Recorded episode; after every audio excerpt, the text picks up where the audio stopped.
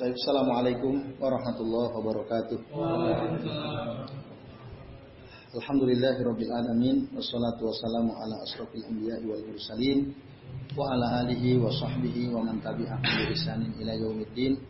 Asyhadu an la ilaha illallah wahdahu la syarika lahu wa asyhadu anna Muhammadan abduhu wa rasuluh. Allahumma salli wa sallim ala Muhammad wa ala ali Muhammad kama sallaita ala Ibrahim wa ala ali Ibrahim. Wa barik ala Muhammad wa ala ali Muhammad kama barakta ala Ibrahim wa ala ali Ibrahim fil alamin innaka Hamidum Majid amma ba'du. Ikhwas sekalian, azani Allah wa iyyakum ajmain. Semoga kita semua yang hadir di majelis ini senantiasa dimuliakan Allah Subhanahu wa taala. Amin ya Allah ya rabbal alamin. Alhamdulillah atas izin Allah pada malam hari ini kita bisa bertemu kembali di majelis kajian kitab Situduror min Usuli Ahlil Asar. Kita sudah sampai pada pembahasan prinsip yang ketiga ya. Betul ya? Kemarin kita sudah bahas bagian apa yang dimaksud dengan prinsip yang ketiga itu yaitu ittiba al-kitab wa sunnah ala fahmi as-salafus salih. Mengikuti Al-Qur'an dan sunnah dengan pemahaman para as-salafus salih maksudnya para as-sahabat radhiyallahu anhum ajma'in wa tabi'ina lahum bi ihsan dan orang-orang yang mengikuti para sahabat dengan baik. Jadi yang nah yang kita sudah bahas kemarin pada pembahasan sekarang kita akan melihat bagaimana tatbik atau praktek atau penerapan ya kalau di kitab yang antum pegang praktek memahami Al-Quran dan Sunnah berdasarkan pemahaman para as-salafus saleh, para sahabat atau para ulama at-tabi'in, at-tabi'ut tabi'in di dalam tadi memahami Al-Qur'an dan sunnah dengan pemahaman para ulama salaf, salafus saleh.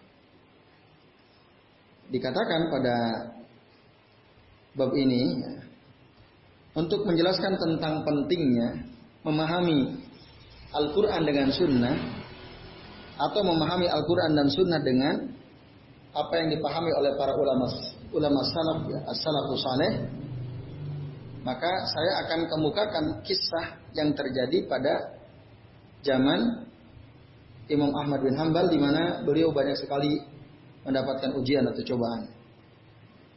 Untuk apa? Untuk menjelaskan dua maksud dalam satu penjelasan. Maksud yang dua maksud dalam satu penjelasan apa maksudnya? Yaitu menjelaskan pentingnya memahami Al-Quran dengan Sunnah dan memahami Quran Sunnah dengan pemahaman para as-salafus saleh. Kata Al-Ajuri rahimahullah, ini seorang alim. Dia mengatakan, Balagoni anil muhtadi. Telah sampai berita kepadaku dari seorang tokoh namanya Al-Muhtadi rahimahullah. Semoga Allah merahmati beliau. Nah, annahu qal al-muhtadi dia berkata, "Ma qata'a abi yakni al-wasik illa syaikhun ji'a bihi minal masisati." Sesungguhnya tidak ada seorang pun yang bisa menghentikan bapak saya. Bapak Al-Muhtadi itu seorang khalifah Bani Umayyah namanya Al-Wasik. Al-Wasik billah. Tidak ada yang bisa menghentikan beliau kecuali ada seorang syekh. Yaitu siapa yang dimaksud syekh di sini? Al-Imam Ahmad bin Hambal. Yang datang dari daerah Al-Masisah. Beliau di penjara, tinggal di penjara cukup lama. Jadi sejak zaman kakeknya Al-Wasik. Itu dia sudah di penjara karena fitnah orang-orang Mu'tazilah atau orang Jahmiyah. Maka waktu itu ada fitnah Al-Quran makhluk. Itu fitnahnya. Al-Quran itu makhluk. Itu akidah Jahmiyah atau akidah Mu'tazilah. Tapi Imam Ahmad menolak. Saat itu pemerintahan dikuasai oleh orang-orang orang-orang yang dekat dengan pemerintah dengan khalifah adalah orang Mu'tazilah, orang Jahmiyah yang menyimpang dari sisi akidah. Maka siapa saja yang berani menentang pemahaman orang Mu'tazilah atau Jahmiyah itu akan ditangkap, akan disiksa bahkan dibunuh. Termasuk Imam, Ahmad ini ditangkap, disiksa. Qadarullah beliau tidak tidak dibunuh. Ini tentu saja takdir dari Allah Subhanahu wa taala. Padahal beliau termasuk orang yang keras penentangannya terhadap pandangan bahwa Al-Qur'an itu adalah makhluk. Al-Qur'an adalah makhluk. Nah, maka sampai datang masa di mana Al-Wasik menjadi khalifah, menjadi penguasa ya. Dan beliau punya anak namanya Al-Muhtadi. Lalu dikatakan ini kata Al-Muhtadi putra dari Al-Wasik. Kemudian summa inna abi zakarahu yawman faqal alayya bisyekh wa utiya bihi muqayyadan. Sampai suatu hari Al-Wasik ini seorang si, si khalifah ini, bapaknya Al-Muhtadi ingat kepada Imam Ahmad. Beliau ingat kepada Imam Ahmad.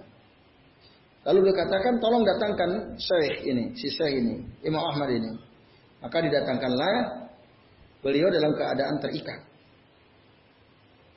Nah, ketika Imam Ahmad dibawa dan diberdirikan di hadapan Khalifah Al-Wasik, maka Imam Ahmad mengucapkan Assalamualaikum ya Amirul Mukminin. Beliau mengucapkan salam. Wassalamu alaih falam yarudda alaihi salam. Tapi Al-Wasik tidak membalas salamnya Imam Ahmad. Karena masih di bawah pengaruh orang-orang Mu'tazilah, dibenci Imam Ahmad. Dikriminalkan, didiskriminasi. Waktu itu masih ada tokohnya. Namanya Ibnu Abi Duad namanya. Masih ada. Penasehat. Kira-kira orang dekatnya mungkin kalau di kita ini watimpres lah. Dewan apa watimpres itu? Pertimbangan presiden gitu ya watimpres namanya Ibnu Abi Duan. Ini orang Mu'tazilah ini. Orang Jahmiyah. Nah iwas sekalian azan ya Allah wa iyyakum ajmain Imam Ahmad mengucapkan salam assalamualaikum ya Amirul Mukminin faqala lahu Ya Amirul Mukminin, masta'mal tama'i adaballahi wala adab Rasulih sallallahu alaihi wasallam. Wahai pemimpin orang-orang beriman, engkau tidak menggunakan adab Allah dan tidak pula menggunakan adab Rasulullah SAW. Kenapa? Karena ketika aku mengucapkan salam, engkau tidak menjawab salamku. Sementara Allah bilang di dalam Al-Quran, wa idha huyyitum bitahiyyatin fahayyu bi ahsana minha Apabila engkau diberi satu penghormatan oleh seseorang, maka nah, balaslah penghormatan tersebut dengan yang lebih baik atau setidaknya sama, setimpal. Aurudduha. Suruh An-Nisa ayat 86. Diingatkan ini. Jadi ulama dulu itu ketemu khalifah, pemimpin, atau presiden, nasihatin, tidak sehat. Ketika melakukan satu kekeliruan langsung diingatkan. Kalau sekarang nggak tahu berani nggak kira-kira ya. ya. Tokoh agama ketemu presiden, lalu dia melakukan satu kekeliruan, langsung diingatkan. Berani atau tidak? Semoga masih ada yang berani. Seperti Imam Ahmad ini. Nah tentu saja Al-Wasik paham nasihat Imam Ahmad tadi dan akhirnya beliau pun menjawab ya salam Imam Ahmad wa alaikas salam wa alaikas salam. Kenapa kok tidak wa alaikas salam warahmatullahi wabarakatuh? Mungkin Imam Ahmad juga pendek ya, hanya mengatakan assalamualaikum ya amiral mu'minin. Seandainya Imam Ahmad lengkap tentu saja Al-Wasik juga akan membalas dengan lengkap berdasarkan surah An-Nisa ayat 86 tadi. Waalaikumsalam. Maka kita bisa simpulkan kemungkinan besar Imam Ahmad hanya mengucapkan assalamualaikum ya amiral mu'minin. Lalu kemudian summa qala li ibni Abi Du'an. Lalu Khalifah Al-Wasik dia berkata kepada Patimpres tadi, Dewan Pertimbangan Khalifah. Ya kira-kira itu. Hai Ibnu Abi Duad, tolong tanya ini orang. Orang ini tolong ditanya. Diuji, mau menguji pemahaman Imam Ahmad. Jadi ini Al-Wasik Billah seorang khalifah, beliau ingin konfirmasi. Kenapa sih Imam Ahmad kok enggak mau? Karena Padahal bapak beliau, kakek beliau, selama berkuasa, tidak mau tunduk Imam Ahmad ketika harus mengatakan bahwa Al-Quran itu adalah makhluk. Lalu Al-Wasik ini ingin menguji lagi. Ingin tahu langsung itu apa sih jawaban Imam Ahmad. Maka teman-teman sekalian, azan ya Allah wa iyyakum ajmain, ketika si Watim Pres tadi yang bernama Ibnu Abi Du'a disuruh oleh Al-Wasik untuk bertanya menguji Imam Ahmad, Imam Ahmad segera beliau mengatakan, "Ya Amirul Mukminin, ana mahbusun muqayyad. Usalli fil habs bitayammumi muni'tul ma'a famur biquyudi tuhallu wa murli bima'in atatohan wa usalli summa salli." Luar biasa. Kalau Anda butuh saya, itu kira-kira ya. Coba Anda lihat saya ini kan sekarang terikat. Kan di, di borgol Imam Ahmad. Dibawa dalam keadaan terborgol. Saya sholat di dalam penjara dengan tayamum. Saya nggak boleh pakai air. Sekarang tolong lepaskanlah seluruh ikatan saya ini dan tolong perintah orang-orangmu untuk membawakan air kepadaku supaya aku bisa wudhu, bisa aku sholat. Baru nanti silakan tanya saya. Kalau Anda mau bertanya kepada saya, tolong buka ini. Bawakan saya air, saya akan wudhu dulu, saya akan sholat dulu, silakan nanti tanya. Ini kan bargainingnya luar biasa kan. Kalau Anda mau tanya, lepasin dulu. Kasih dulu saya air, saya sholat, saya akan jawab nanti setelah sholat. Al-Wasik billah, akhirnya beliau menuruti kemauan Imam Ahmad, Pak amara bi qaidihi wa amara wa umma wa Akhirnya dilepaskanlah ikatan Imam Ahmad tadi dan disuruhlah orang untuk membawakan air kepadanya. Akhirnya Imam Ahmad pun wudhu dan sholat dulu. Lalu setelah Imam Ahmad selesai sholat, summa qal li ibni Abi Du'an. Lalu si khalifah ini yang bernama Al-Wasik Billah dia berkata kepada watim presnya apa katanya? Eh, Ibnu Abi Du'ad sekarang tanya tuh. Orang ini tanya si Syekh Diuji gitu ya. Nah, ketika itu Imam Ahmad langsung merespon. Wakala Syekh al-mas'alah tuli. Yang berhak bertanya itu saya. Saya yang nanya. Itu kata Imam Ahmad. Ya. Wa an yujibani dan engkau suruh si watim prasmu ini wahai Amirul Mukminin yang bernama Ibnu Abi Duad untuk menjawab pertanyaan saya. Jadi Imam Ahmad yang mau nanya. Jadi ini kan mau dialog gitu ya, tanya jawab antara Watim Pres, Dewan Pertimbangan Presiden atau Khalifah dengan Imam Ahmad yang sementara ini selalu dianggap melakukan kekeliruan dan di penjara itu. Maka akhirnya kata Khalifah Al-Wasik Fakala Sal. Ya udah sekarang silakan kamu tanya. Imam Ahmad dipersilakan untuk bertanya. Bertanya kepada siapa? Kepada Ibnu Abi Duan. Nah ini kesempatan luar biasa dimanfaatkan oleh Imam Ahmad. Coba perhatikan sekalian.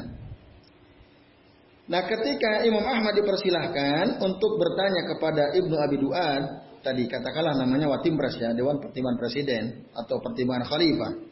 Maka segera Imam Ahmad menghadapkan wajahnya kepada si Ibnu Abi Duan tadi. Yas'aluhu Lalu Imam Ahmad mengajukan pertanyaan bertanya kepada Ibnu Abi Duan. Pertanyaannya sangat penting. Untuk membuktikan yang benar ini siapa? Ibnu Abi Duan atau Imam Ahmad? Nah, coba kita perhatikan ya. Ini ini praktek bagaimana pentingnya kita mengembalikan memahami Quran dan Sunnah itu kepada pemahaman para as-salafus saleh. Maka kata Imam Ahmad, akhbirni an hadzal amr alladhi tad'un nasa ilayhi. Coba terangkan kepadaku tentang perkara yang engkau seru manusia untuk melakukannya. Ibnu Abi Du'ad kan nyuruh orang-orang supaya mengatakan Al-Quran itu mah makhluk. Imam Ahmad minta klarifikasi. Ya. Kamu kan nyuruh orang-orang supaya bilang Al-Quran itu makhluk. Nah sekarang tolong kabarkan kepadaku apakah seruanmu terhadap orang-orang untuk mengatakan bahwa Al-Quran itu makhluk? Itu adalah sesuatu yang juga diserukan oleh Rasulullah. Rasul nyuruh kepada para sahabat untuk mengatakan Al-Quran itu makhluk? Rasul nyuruh? Itu kira-kira bahasa kitanya. Apa jawaban si Ibnu Abi Duan? Dia mengatakan la tidak. Tidak. Kalau sekarang begini kira-kira. Kamu ngadain tahlilan setelah orang mati tiga hari, tujuh hari, seratus hari, sepuluh hari. Sekarang saya tanya kamu, Rasul melakukan enggak? Nah, gitulah kira-kira. Jawabannya apa kira-kira? Lah kan, tidak jawabannya kan. Nah, itu cara mengujinya gitu saja. Tanya aja Rasul melakukan atau tidak? Lah, tidak. Lalu ditanya lagi oleh Muhammad, "Fasai unda ilaihi Abu Bakar As-Siddiq radhiyallahu anhu ba'da." Apakah sesuatu yang kamu yang engkau serukan kepada orang-orang itu juga diserukan oleh Abu Bakar As-Siddiq setelahnya? Mungkin Rasul tidak, tapi Abu Bakar barangkali menirukan hal itu. Dijawab lagi sama Ibnu Abi Duan. Nah, tidak juga. Kalau kita tanya, eh Rasul dulu menyuruh nggak merayain hari kelahiran beliau Maulid Nabi? Enggak. Abu Bakar dulu melakukan nggak merayakan kelahiran Nabi? Kira-kira jawabannya apa? Lah juga, pasti tidak juga. Kalau dalam konteks sekarang ya di kita. Oke, kata Imam Muhammad. Lalu bertanya lagi, Pasai unda'a ilaihi Umar ibn Khattab radhiyallahu anhu ba'dahuma. Atau yang kalian serukan itu supaya orang melakukannya itu juga disuruh oleh Umar ibn Khattab radhiyallahu anhu setelah Nabi dan Abu Bakar enggak apakah Umar menyuruhnya? Lagi-lagi dijawab oleh Ibnu Abi Duat, lah tidak juga. Kalau kita bahasa sekarang, eh apakah Umar menyuruh atau dia memberikan contoh memperingati hari kelahiran Nabi? Umar melakukan tidak? Nyuruh orang-orang tidak? Lah jawabannya lah tidak juga. Oke. Kalau gitu, saya ringkas saja. Utsman melakukan nggak? Dijawab tidak juga. Ali melakukan nggak? Tidak juga. Ya. Tadi Utsman nyuruh kita atau memberikan contoh kepada kita memperingati hari kelahiran Nabi atau tidak? Jawabannya pasti tidak. Ali bagaimana? Apakah Ali juga? Kalau kita ya, ini maksud saya, saya kontekstualisasi di untuk kehidupan kita ya di masyarakat ini. Kalau sekarang kan nggak ada tuh orang bilang Al-Quran makhluk kan. Nah, itu kan bid'ah jelas itu, bid'ah akidah. Di kita juga banyak bid'ah. Tanya aja, pokoknya setiap perbuatan bid'ah baru dalam agama, udah rumusnya gampang banget, tanyain aja. Nabi melakukan tidak, Abu Bakar melakukan tidak, Umar, Utsman, Ali melakukan tidak, nyuruh atau tidak. Kalau semua jawab tidak, nah, ada dua kemungkinan. Kata Imam Ahmad kan? Ada dua kemungkinan. Faqala asy berkatalah Imam Ahmad, "Fasyai'un lam yad'u Rasulullah sallallahu alaihi wasallam wala Abu Bakrin wala Umar wala Utsman wala Ali radhiyallahu anhum ajma'in tad'u anta nasa ilaih laisa yahlu an taqula alimuhu alimuhu au jahilu jika sesuatu yang tidak diserukan oleh Nabi tidak diperintahkan oleh Nabi, tidak juga diperintahkan diserukan oleh Abu Bakar, tidak juga oleh Umar, tidak juga oleh Utsman, tidak juga oleh Ali. Semoga Allah meridhai mereka semua. Lalu Anda menyeru orang-orang, menyuruh orang-orang untuk melakukan sesuatu yang Rasul Abu Bakar, Umar, Utsman, Ali tidak menyerukan, tidak menyuruh. Lalu Anda kok menyuruhnya? Maka ini ada dua kemungkinan. Kemungkinan pertama kata Imam Ahmad bisa jadi Nabi Abu, Abu Bakar, Umar, Utsman, Ali tahu asal ini sudah udah tahu. Tapi mereka diam. Atau Rasul Abu Bakar, Umar, Utsman, Ali tidak paham soal ini.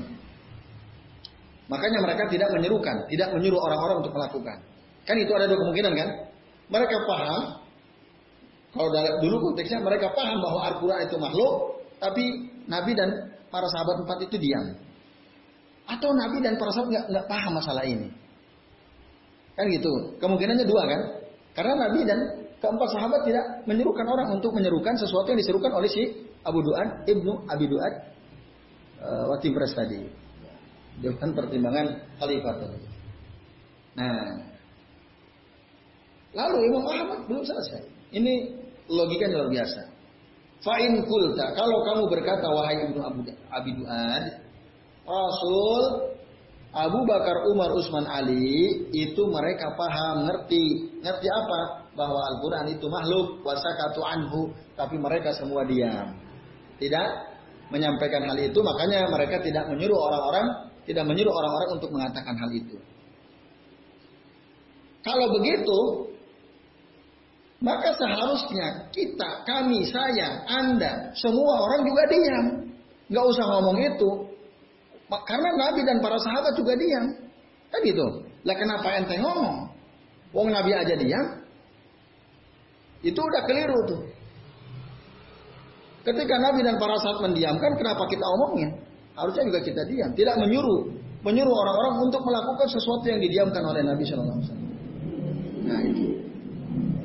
Tapi kalau anda bilang fa in kunta jahilu wa tuhu ana ya luka ibnu luka yajhalun nabiyyu sallallahu alaihi wasallam wal khulafa'ur rasyidun radhiyallahu anhum syai'an wa ta'lamu anta wa ashabu.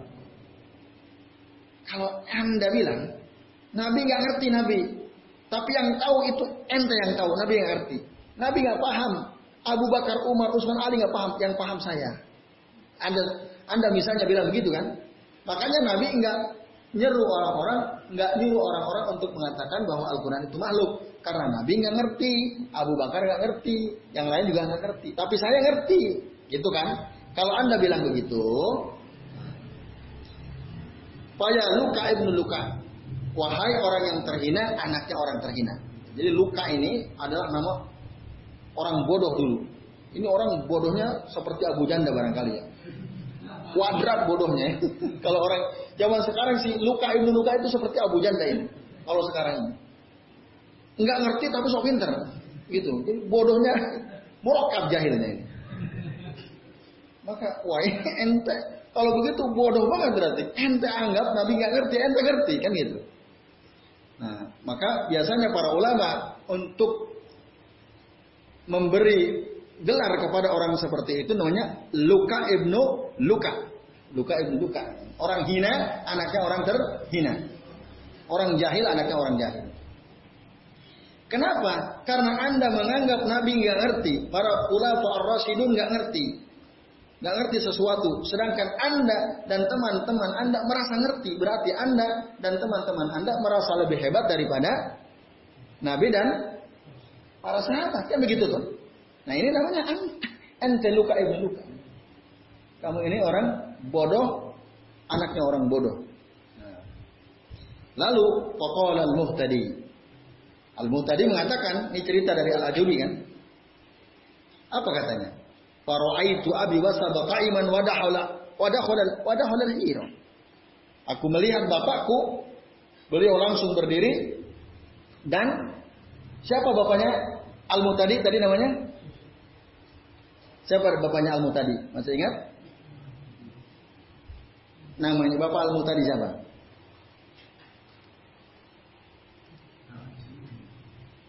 Al-Ajuri itu yang meriwayatkan. Al-Wasik. Siapa itu Al-Wasik? Khalif? Khalif, presiden lah kira-kira kalau dalam kira sekarang. Nah, kata Al-Muhtadi, aku melihat bapakku, sang khalifah ini, ketika mendengar diskusi antara Imam Ahmad dengan Ibnu Abi Duad, beliau langsung berdiri dan masuk ke kurungan. Antum tahu kurung di masjid Kaf gede ada kurungan? Biasanya itu tempat dulu gitu, supaya aman gitu ya. Masuk kurungan itu bapak, bapakku kata si Al-Muhtadi ini. Waja'ala saubahu fi Lalu memasukkan bajunya itu ke dalam mulutnya. Ketawa takut kedengaran orang. Apa beliau mentertawakan si Watim Pres ini? Ini kok bodohnya bukan kepala. Ketawa ini. Al-Wasik mentertawakan Watim Presnya sendiri. Ternyata Watim Presku jahilnya borokam. Nah, tertawa dia. Kemudian summa ja'ala yaqul sadaq. Lalu bapakku mengatakan, "Ini Imam Ahmad benar." Benar, laisa ya'lu min an taqul jahiluhu aw alimu. Imam Ahmad cerdas sekali. Betul. Jadi kalau Nabi tidak menyerukan Abu Bakar, Umar, Utsman, Ali tidak menyerukan, ada dua kemungkinan. Nabi nggak ngerti, para sahabat nggak ngerti, atau Nabi ngerti, cuman diem. Kan itu kemungkinannya. Tidak, maka Nabi tidak menyerukan Al-Quran itu makhluk. Kalau kita katakan bahwa Nabi mengerti kemudian Nabi diam, nah harusnya kita semua orang harusnya diam juga. Karena kan kita disuruh ngikuti Nabi. Kan gitu. Nah, seandainya kita katakan bahwa Nabi dan para sahabat nggak ngerti, kamu yang ngerti, ya, maka itulah. Ini namanya kamu orang bodoh bin bodoh gitu ya. orang yang terhina, anaknya orang terhina. Masa ente bilang Nabi dan para sahabat nggak ngerti, lalu ente yang ngerti dengan teman-teman ente. Nah ini betul-betul jahil murakkab. Nah itu ya. Kemudian akhirnya Khalifah Al-Wasik Sumaqal dia mengatakan ya Ahmad wahai Ahmad. Nah, nama putranya Al-Muhtadi juga ada ada Ahmadnya. Dikira bapaknya manggil anaknya. Ya Ahmad, qultu labbaik. Maka aku katakan, "J Bapak, J Pak, ada apa gitu ya?" Kata anaknya Al-Muhtadi tadi. Qalastu Ani bukan engkau yang aku maksud. Aku nggak manggil kamu nak gitu. Inna ma'ani Ibnu Abi Duad. Nah, Ibnu Abi Duad juga namanya itu kan Ibnu Abi Duad kunyah. Nama panggilan. Nama aslinya Ahmad juga. Jadi ini ada tiga Ahmad. Ahmad Al-Muqtadi, putranya Al-Wasik. Ada Ahmad Ibnu Abi Duad dan Ahmad bin Hambal. Nah, lalu kata uh, Khalifah Al-Wasik, Inna ma'ani Ibnu Abi Duad. Fawasaba ilaih, maka Ibnu Abi Duad ya, mendekat kepada Al-Wasik faqala. Nah, lalu Al-Wasik mengatakan kepada Ibnu Abi Duad, "I'ti hadza syekh nafkah." Berikan kepada saya ini, kepada Imam Ahmad ini nafkah. Maksudnya berikan beliau uang. Wa akhrijhu an baladina. Dan keluarkan beliau dari negeri kita. Biar dia pergi ke mana lah terserah, jangan di sini. Ini meskipun demikian Al-Wasik masih menghormati watim presnya gitu ya. Padahal udah mentertawakan di dalam kurungan itu ya. Mungkin tak, takut malu dia, maka masuk apa eh, Al-Wasik itu. Dan supaya tidak jatuh betul kan jatuh betul itu ininya ke apa namanya kedudukannya. Ya udah deh untuk menghibur si Ibnu Abi Duad, udah deh kasih uang nih. Emang kasih uang suruh dia keluar dari dari negeri kita betul betul keluar. Kira-kira Ibnu Abu Duat seneng nggak tuh? Seneng kan? Suruh keluar kan? Nggak ada saingan kan? Nah, tapi suruh dikasih uang. Kemudian dalam riwayat yang dikeluarkan oleh Al Imam Az Zahabi dalam kitab Sair Sair An Nubala ya. Ini kitab sejarah para ulama yang ditulis oleh Al Imam Az Zahabi. Wasaqata min ainihi bani Abi Duad walam yamtahin ba'daha ahad. Maka jatuhlah ya, kehormatan Ibnu Abi Duad di hadapan mata Al-Wasik Khalifah. Jatuh karena kalah debat dengan Imam Ahmad. Dan setelah itu Al-Wasik sang Khalifah tidak pernah lagi menguji orang. Maksudnya orang teman-teman Saudi Duat, udah mereka udah kalah keok semua. Udah nggak bisa ngelawan Imam Ahmad. Artinya Imam Ahmad ternyata yang benar. Maka dalam riwayat dikatakan, "Farajatu an hadhil maqalah." Bertaubatlah al-muhtadi, putranya al-wasik, sang putra raja ini, putra mahkota, dia bertaubat. Yang selama ini mengatakan Quran makhluk, Quran makhluk, setelah mendengar diskusi Imam Ahmad dengan Abu Duad, Abu Duad kalah, ya, kalah telak. Beliau raja, farajatu an hadhil. Aku bertaubat Artinya aku rujuk, tidak akan mengatakan itu lagi. Ternyata selama ini ajaran Mu'tazilah, ajaran Jahmiyah, ajaran yang didengung-dengungkan oleh si Ibnu Abu Duat ini ngaco ternyata, nggak benar. Sesat ternyata. Aku taubat. Dan aku kira bapakku juga bertaubat setelah itu. Itu kata Al-Muhtadi putra mahkota. Nah, lalu kultu aku berkata, siapa yang berkata di sini? Abu Malik Ramdhani ya, yang nulis kitab ini. Abdul Malik, Syekh Abdul Malik Ramdhani Al-Jazairi belum mengatakan kultu mana tadi? Nah. Coba perhatikan. bagaimana Imam Ahmad tadi berdiskusi dengan Ibnu Abi Duad. Antum masih ingat tadi apa yang dilakukan Imam Ahmad kan? Masih ya? Imam Ahmad kan nanya tadi, eh apakah Rasul, apakah Abu Bakar, ini kan salafus soleh semua. Apakah Umar, apakah Utsman, apakah Ali melakukan tidak, menyerukan tidak? Kan itu pertanyaannya. Ini artinya Imam Ahmad kalau ente mau memahami Quran Sunnah, balikin dong kepada pemahaman para salafus soleh. Nah kalau di dalam konteks e, masyarakat kita, tadi kalau orang kekeh mempertahankan suatu amalan, padahal nggak ada nggak ada dalilnya, tanya ya, tanya saja. Rasul melakukan tidak, Abu Bakar melakukan tidak, Umar, Utsman, Ali melakukan tidak. Kalau mereka bilang tidak, ah, lalu ngapain kita melakukan kan begitu? Oh mereka kira-kira lebih semangat mana beribadah kita dengan mereka? Dengan Rasul dan para sahabat. Ibadahnya semangat mana kira-kira? Pasti semangat Nabi dan para sahabat. Mereka aja tidak melakukan, kok kita melakukan? Nah, itu.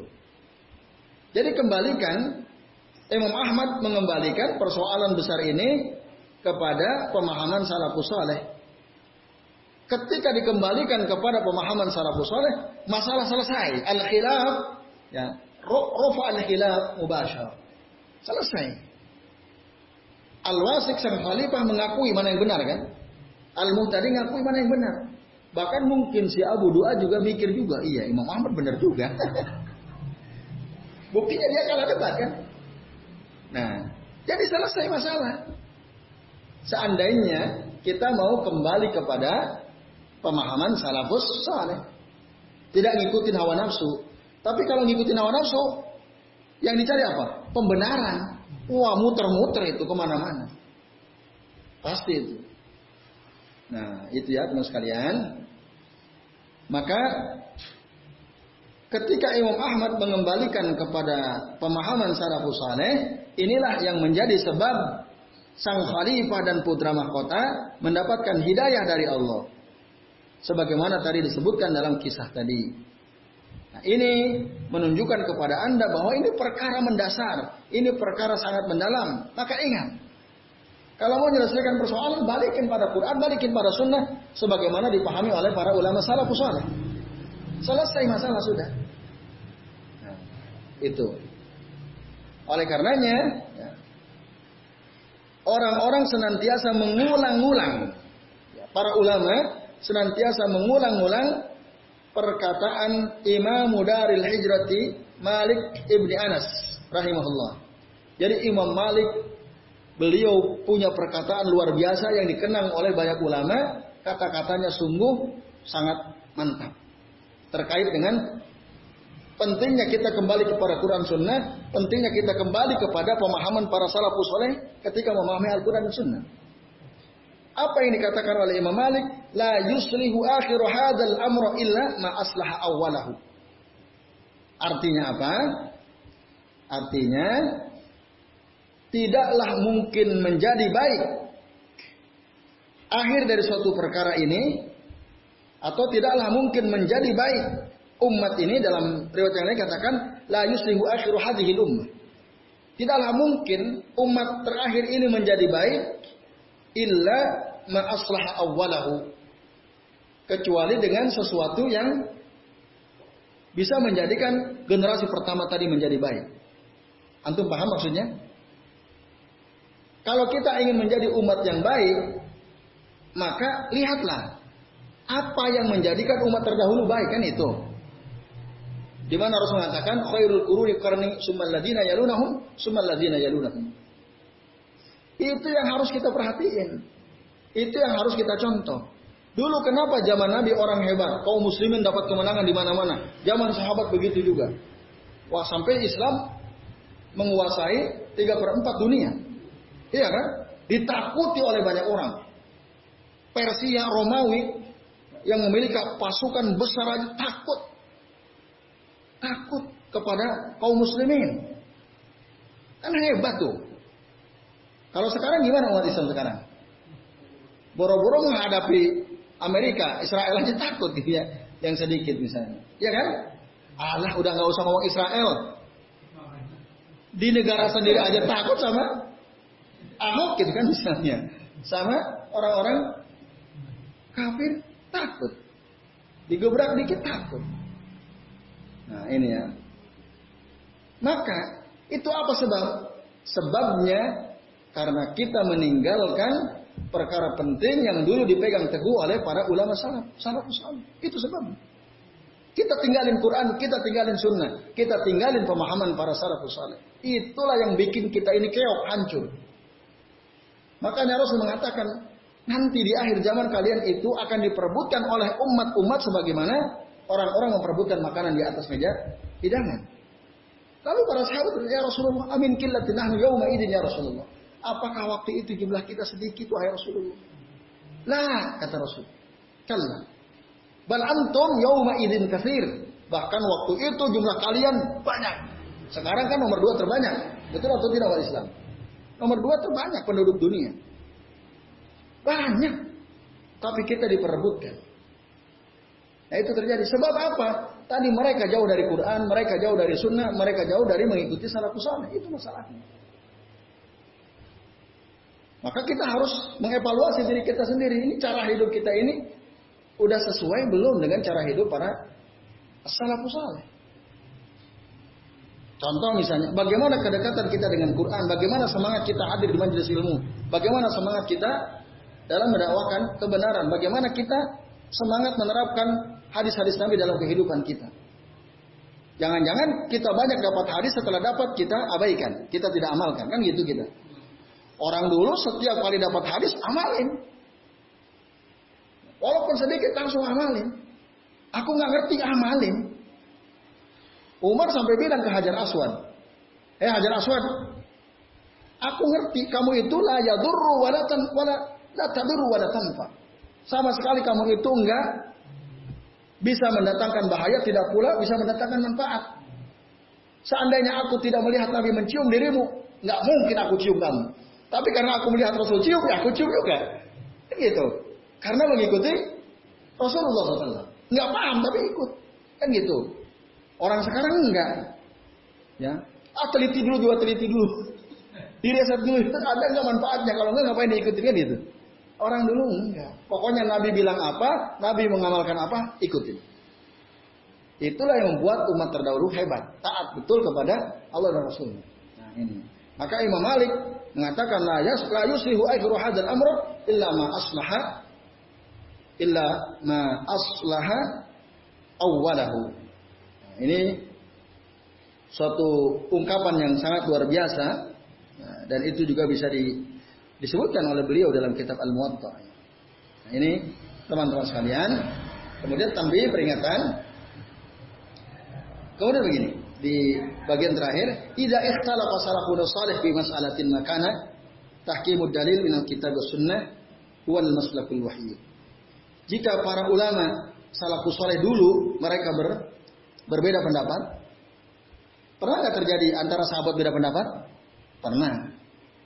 Biasa terjadi perbedaan pendapat. Abu Bakar dengan Umar pernah. Aisyah dengan Abdullah bin Abbas pernah. Tapi ketika mereka berbeda pendapat, Nah, dalam satu perkara tidak ada jalan lain laisa hunaka tariqan akhar illa bitahkimid dalil minal kitab sunnah. Kecuali mereka menjadikan pemutus hukum itu Al-Quran dan Sunnah. Enggak kesimpulan-simpulan, enggak. Oh kata tokoh simpulan begini, enggak. Quran Sunnah. Jadi enggak, kata si tokoh ini begini, tokoh ini, enggak. Langsung kembali kepada Quran dan Sunnah.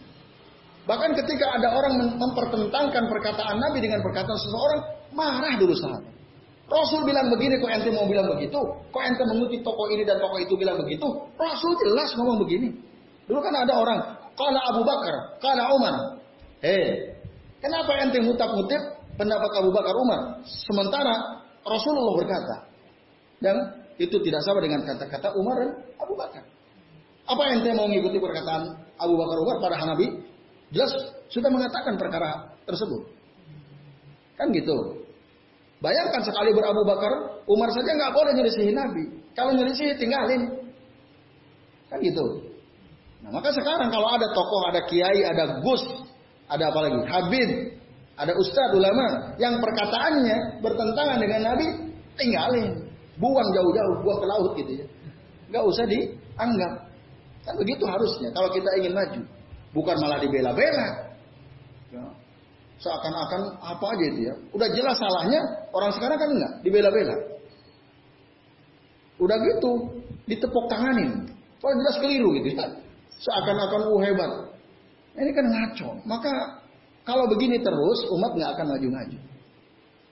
Harus kembali kepada Quran Sunnah, kembali kepada apa yang dikatakan oleh para sahabat. Nah, ibu sekalian, jadi gitu, sahabat dulu kalau ada perselisihan, yuk kita duduk bersama, mari kita lihat bagaimana ayatnya, mari kita lihat bagaimana hadisnya. Selesai, inilah cara terbaik dan itulah yang Allah katakan di dalam Al-Qur'an. Dalam surat An-Nisa ayat 59. Apa Allah bilang? Fa in tanazatum syai'in farudduhu ila Allah Rasul.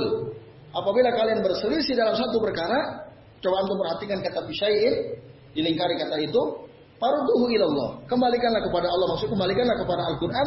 War Rasul. Maksudnya kembalikan kepada sunnah. In kuntum tu'minuna billahi wal yaumil akhir. Itu pun jika kalian beriman kepada Allah dan hari akhir. Zalika khair. Itulah yang lebih baik. Wa ahsanu ta'wila. Dan baik pula akibatnya. Itu.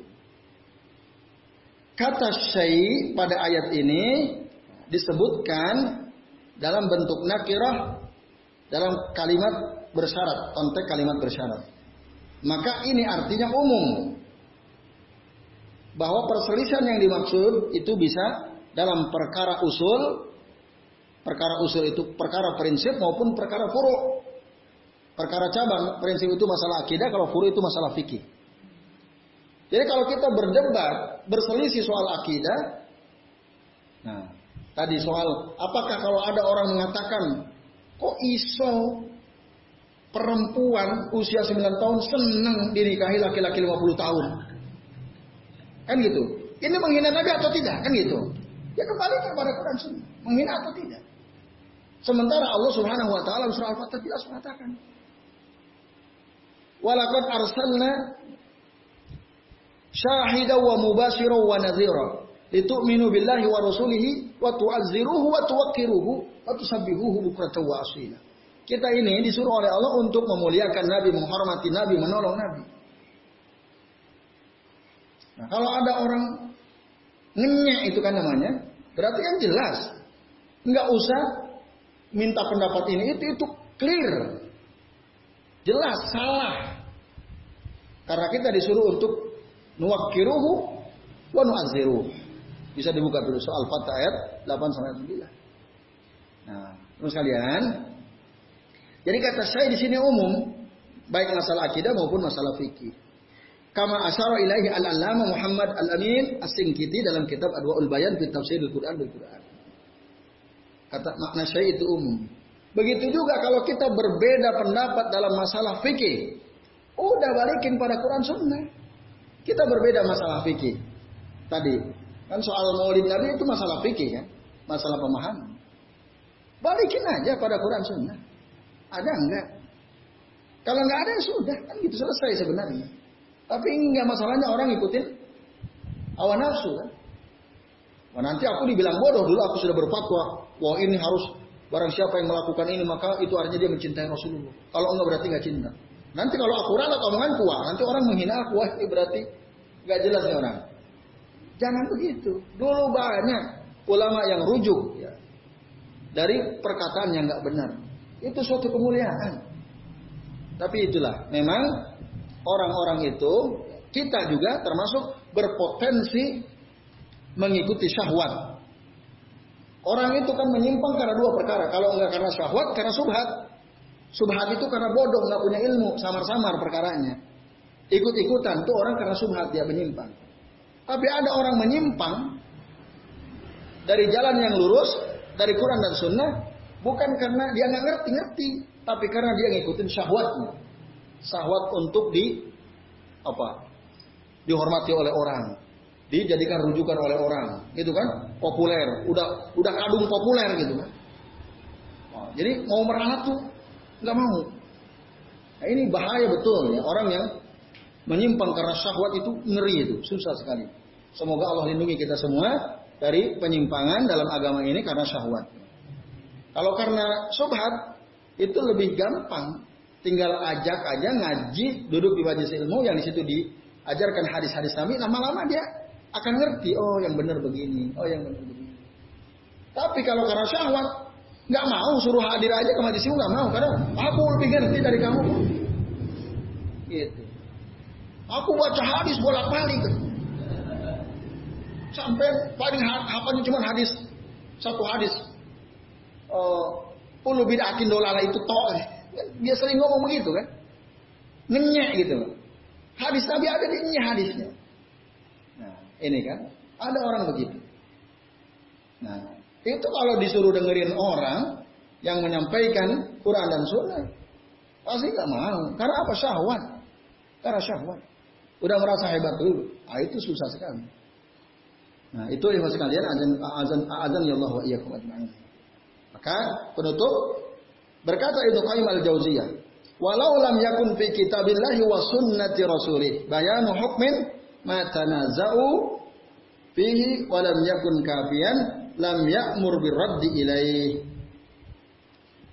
Seandainya kitab Allah dan sunnah Rasul itu nah, tidak ada penjelasan suatu hukum yang diperselisihkan oleh orang-orang atau seandainya Quran dan Sunnah itu tidak cukup untuk menyelesaikan persoalan yang diperselisihkan itu, seandainya tidak cukup, maka niscaya Allah tidak akan menyuruh kita untuk kembali kepada Quran Sunnah. Tidak mungkin. Seandainya Quran nggak bisa menyelesaikan, seandainya Quran dan Sunnah tidak cukup untuk menyelesaikan persoalan, tidak mungkin. Tetapi ketika Allah mengatakan fa in tanazatum fi syai'in farudduhu ila Allah wa rasulih, ini bukti bahwa semua persoalan yang kita hadapi ini solusinya semua ada dalam Quran dan ada dalam sunnah. Allah nggak mungkin bohong. Allah yang nyuruh baliklah kepada Quran dan sunnah. Kembalilah kepada Allah dan Rasul.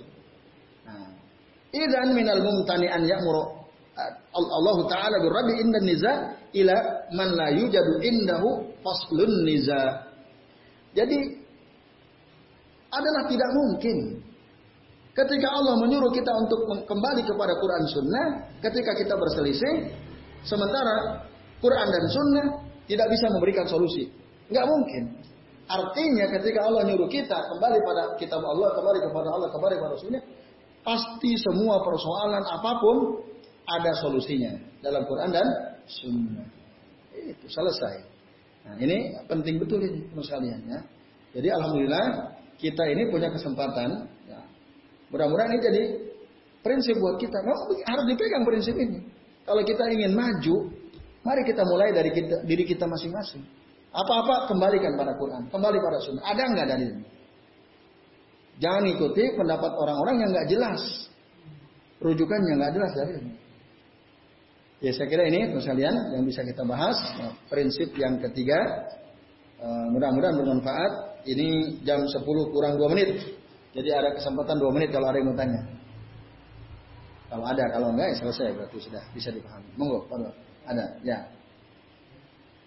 Asal ya.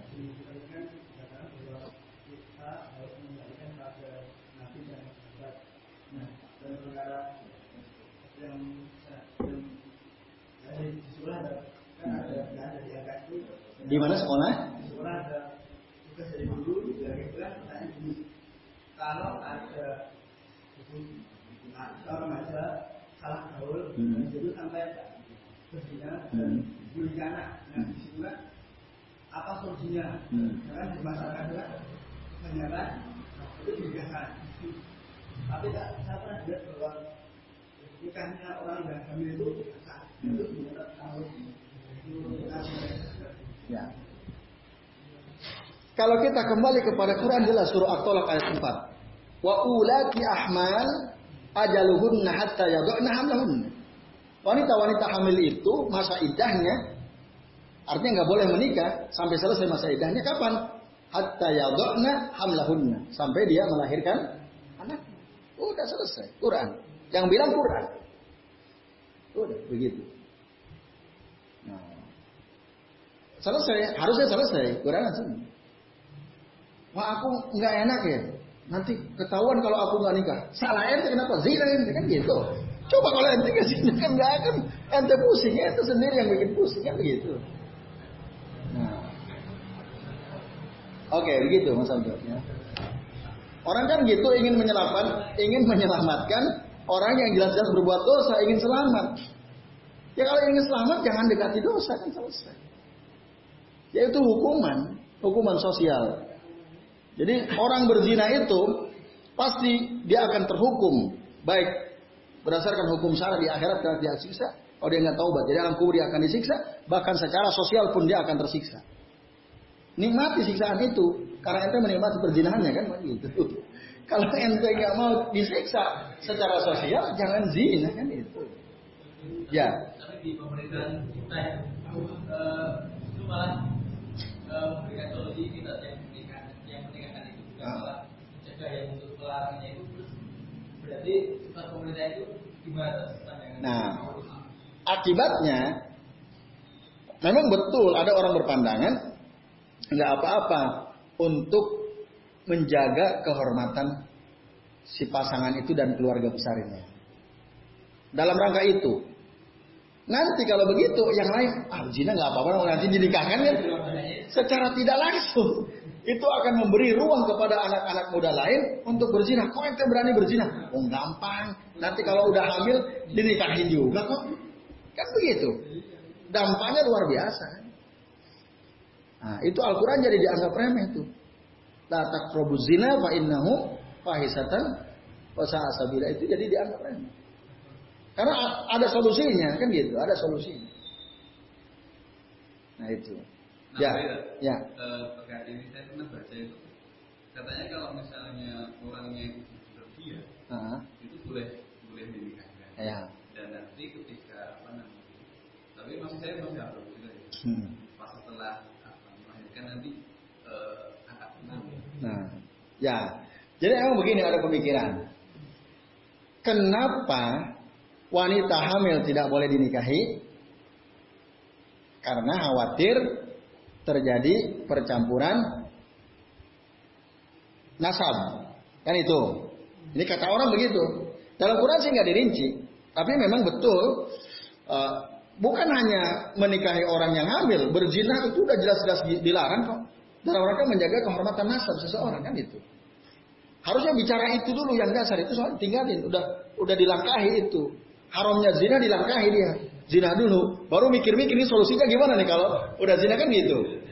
Itu yang repot. Nah, akhirnya berpikirlah sebagian orang, kan orang hamil dilarang dinikahi itu takut tercampur nasab. Itu kalau yang nikahi laki-laki lah lain. Karena orang yang udah nikah nggak mungkin isinya dibiarin kan bagaikan gerah di depan kucing gitu. Orang udah nikah itu nggak mungkin dibiarin, pasti disikat kan begitu. Nah nanti kalau udah begitu, kasarnya jadi nggak jelas bercampur, maka nggak boleh. Itu kalau yang nikahi laki-laki lain. Nah, tapi kalau yang nikahi adalah laki-laki yang menzinahinya, percampuran nasab mungkin terjadi atau tidak? Tidak, wong sumbernya sama. Kan begitu.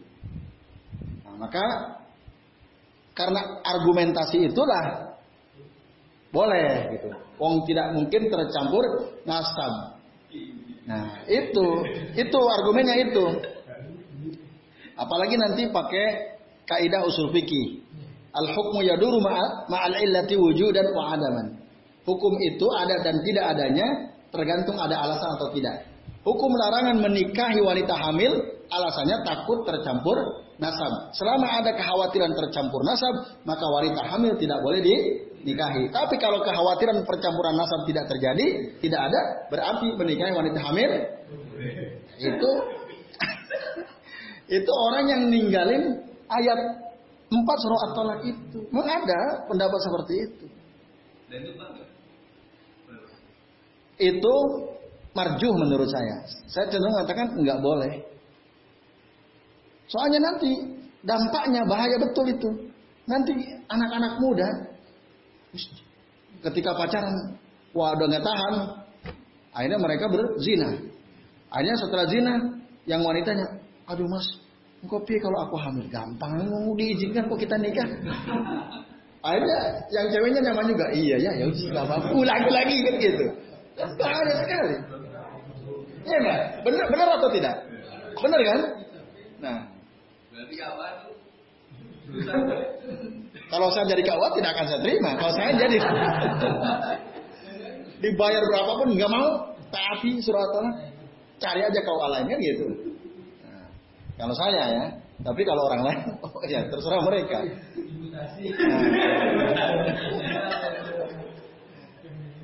Gak masalah, yang penting lebih berkah kan gitu. Ya itu, itu yang. Nah ini karena tadi ada dampaknya, ada implikasinya dan itu pak bisa ngerusak tuh implikasinya. Iya, begitu. Jadi nanti anak-anak muda itu menggampangkan. Nah, ya. Sama ini dan saya sudah terlanjur gitu. Ya. Hamil, terus terus itu eh, apa namanya? Tadi yang sudah saya omongkan hmm. dia akad ulang setelah. Hmm. Itu apakah apa atau tidak pernikahannya? Ya. Kalau nikah lagi, yang yang sayang terakhir itu, yang yang setelah lahir, itu yang benar. Nah, nah sedangkan pernikahan sebelumnya kalau kembali ini ya kembali kepada surat Tolak ayat 4 itu ya itu nggak benar. Lalu status anaknya gimana? Ya anak zina, anak zina. Dia tidak bisa dinisbatkan nasabnya kepada si bapaknya nggak bisa. Itu ada dari ini. Jadi bapak yang menzinahi seorang wanita itu tidak punya hak sama sekali terhadap si anaknya. Yang dikandung oleh si wanita yang dizinahinya. Tidak bisa berarti apa nasabnya? Fulan bin ibunya, bukan fulan bin bapaknya. Tapi kan itu diselisihi semua kan? Coba kalau ada orang zina, dinikahkan, dinikahkan mereka yang berzina. Ketika lahir di akte bin ibunya atau bin bapaknya? Kan banyak sekali syariat Allah yang ditabrak. Wong dari awal udah nabrak zina kok. Lu tabrak semua tuh banyak sekali. Ngapusi terus. Ngapusi terus. Kan gitu. Ngeri sekali. Terus nanti uh, lebih lanjut lagi kan kan ayahnya nggak boleh jadi wali nikah. Kalau anak itu perempuan, dia mau nikah kan harus punya wali. Kalau laki-laki ada masalah. Kalau dia perempuan harus punya wali. Enggak hak, enggak punya hak dia jadi wali. Nah, terus kalau misalnya orang tua itu enggak ngomongin ke anaknya. Merusak pernikahan anaknya. Kan ber implikasinya luar biasa kan? Terus anaknya itu pernikahannya sah. Ya enggak sah karena walinya enggak benar. Nah, yang dosa nanggung dosa besar bapak pezinahnya itu. Itu. Kalau anaknya nggak salah karena dia ngerti. Nanti dia numpuk-numpuk tuh dosanya. Kalau anaknya nggak ngerti dia, nggak ada masalah. Tapi kalau memang nyari tahu itu memang di eh, ini diberikan saya uh, nyari tahu. Jangan kita mau tahu dan tahu dengan seorang akhwat itu nyari tahu apakah dia anak dia statusnya dulu anak pezina apa bukan bapak?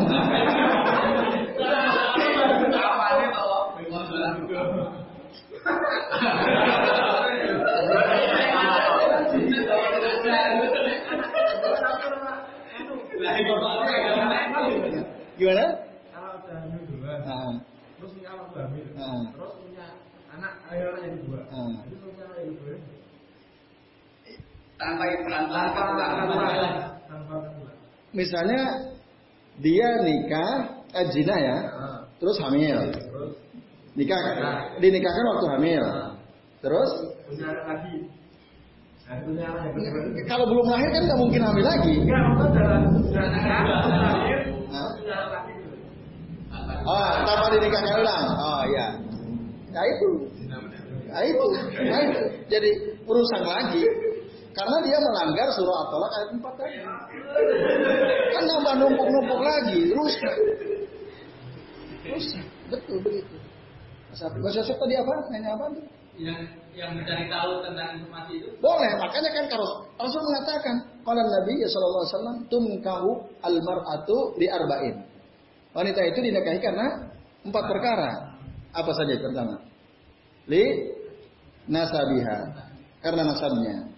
Lima liha karena hartanya.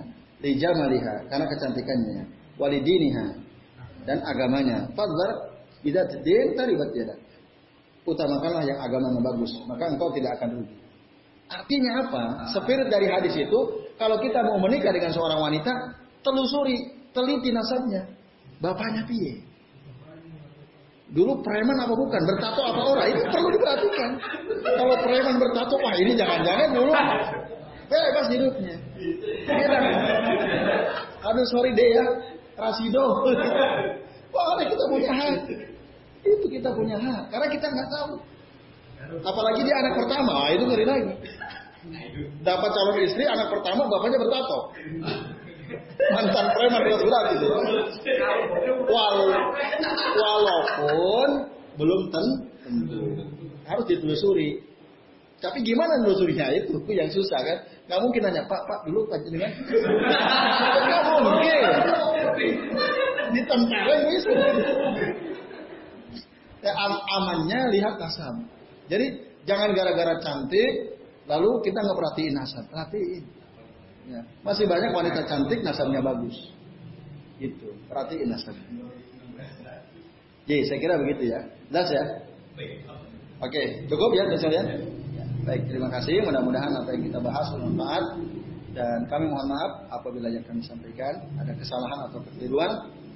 Uh, sebelum waktu saya kembalikan ke Mas Sabdo, saya akhiri. Billahi taufiq hidayah. Wassalamualaikum warahmatullahi wabarakatuh.